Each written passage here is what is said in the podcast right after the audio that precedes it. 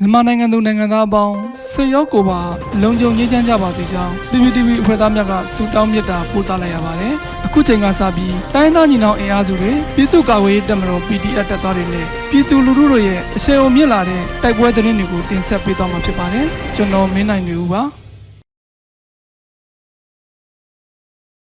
ပထမအဆုံးအနေနဲ့မြင်းမှုတွင်စစ်ရင်တန်းကိုပရိသာမိုင်းဆယ်လုံးတွေဖြင့်ဖောက်ခွဲတိုက်ခိုက်တဲ့သတင်းတင်ဆက်ပါမယ်။ စကိုင်းတိုင်းမြင်းမှုမြို့နယ်တွင်စစ်ရင်တန်းကိုပရိသာမိုင်းဆယ်လုံးတွေဖြင့်ဖောက်ခွဲတိုက်ခိုက်ခဲ့တယ်လို့ People Night Defense for မြင်းမှု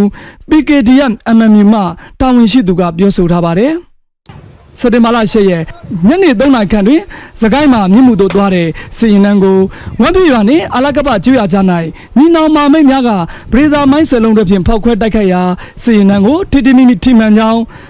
စစ်သားအထိကိတည်ဆုံမှုကိုမသိရှိရသေးကြောင်းသိရှိရပါတယ်။ ဆက်လက်ပြီးကတာနှင့်ရွှေကူမြို့နယ်အဆက်တွင်အကြမ်းဖက်စစ်တပ်နှင့်မြို့လာ PDF ကြားတိုက်ပွဲဖြစ်ပြီးစစ်သား၄ဦးသေဆုံးတဲ့သတင်းတင်ဆက်ပါမယ်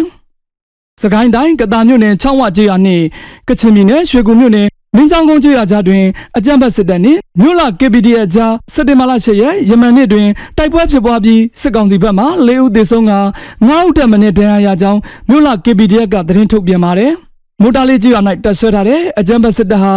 အင်အားရှိတဲ့သုံးဖြင့်ချောင်းဝနှင့်မင်းချောင်းကုန်းကြီးရွာဘက်သို့စစ်ကြောင်းထိုးလာစဉ်နနက်7:15မိနစ်တွင်မြို့လာ KPDF ကမိုင်းခုနှလုံးဖြင့်ဖောက်ခွဲတိုက်ခတ်ခဲ့ခြင်းမှာစစ်ကောင်စီစစ်ကြောင်းဟာမိုင်းခွဲတိုက်ခိုက်ခဲ့ရပြီးနောက်နှစ်ဖွဲ့ကွဲသွားကချောင်းဝကြီးကြီးရွာအတွင်းသို့ဆုတ်ခွာသွားကြောင်းမြို့လာ KPDF ရဲဘော်များထိခိုက်မှုမရှိကြောင်းသိရှိရပါတယ်။ရန်ကုန်ရှိစစ်တပ်ဂိတ်နှင့်တမတော်အရာရှိရိတ်သားကိုဖောက်ခွဲတိုက်ခိုက်တဲ့တဲ့ရင်ဆက်လက်တင်ဆက်ပါမယ်။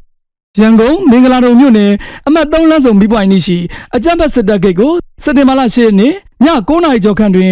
အိဆာယူအဖွဲ့ကအဝေးထိန်ပုံဖြင့်ဖောက်ခွဲတိုက်ခတ်ခဲ့ပြီးထိခိုက်ဒေဆုံးမှုရှိမရှိကိုအတိမပြုနိုင်သေးကြောင်း Human Rights Defender အဖွဲ့ကပြောပါတယ်။အလားတူရန်ကုန်အင်းစိန်မြို့နယ်ပြည်လန်းနှင့်မင်းတမလန်းတောင်ရှိ10မိုင်တမတော်အရာရှိရိတ်သားကို WOS အဖွဲ့ကစက်တင်ဘာလ10ရက်နေ့ည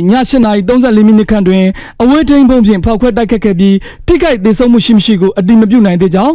Warsaw Hunter Revolution for WOS အဖွဲ့ကပြောဆိုထားပါတယ်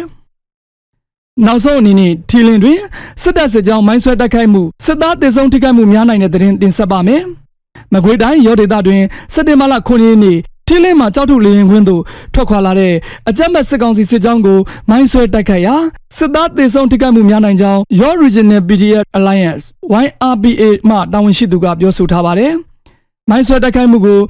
Your Regional PDF Alliance YRPA ကပြုလုပ်ခဲ့ခြင်းဖြစ်ပြီးမိုင်းခွင်းနေရာနှစ်ခုအတွင်းစစ်ကောင်စီစစ်ကြောင်းကြောက်ခဲ့၍စစ်သားတေဆုံးမှုများနိုင်တော့လဲအရေးအတွက်အတိအကျမသိရှိရသေးကြောင်း